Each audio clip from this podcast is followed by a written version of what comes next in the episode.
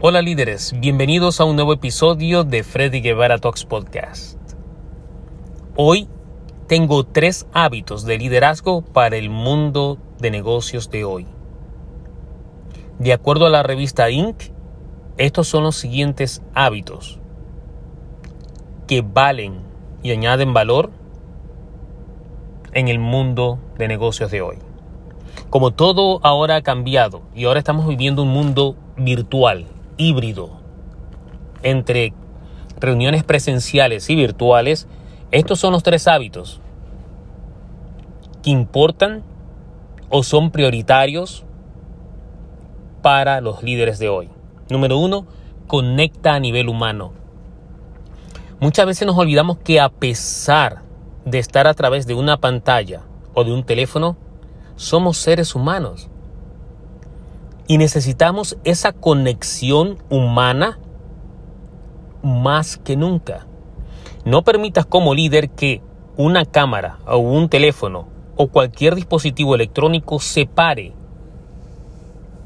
u obstaculice esa conexión entre ustedes. Si tú eres un líder, aprende a conectar con otros, incluso a través de alguna pantalla o de algún dispositivo electrónico de comunicación. Número dos, sal afuera. Nos hemos acostumbrado a hacer reuniones virtuales, conferencias virtuales, encerrados. Estamos viviendo, sí, unos momentos difíciles, pero también ya esto se va a ir mejorando, va a ir mejorando y tenemos que tomar opciones. Sal afuera a caminar, sal a correr, sal a un parque, sal a un Starbucks y haz una conferencia ahí. Siéntete libre, sal.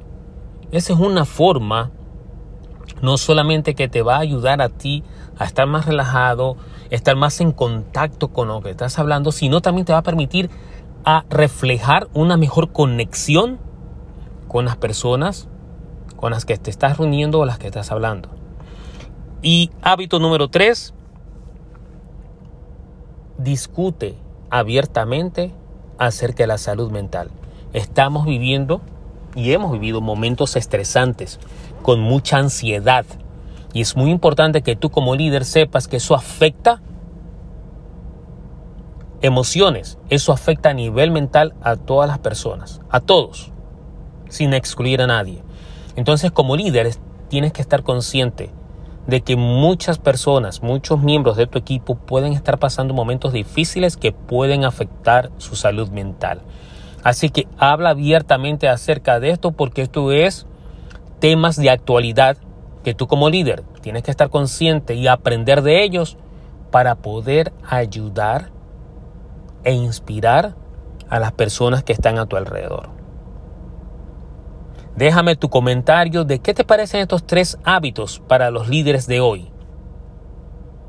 Y que tengas un gran día.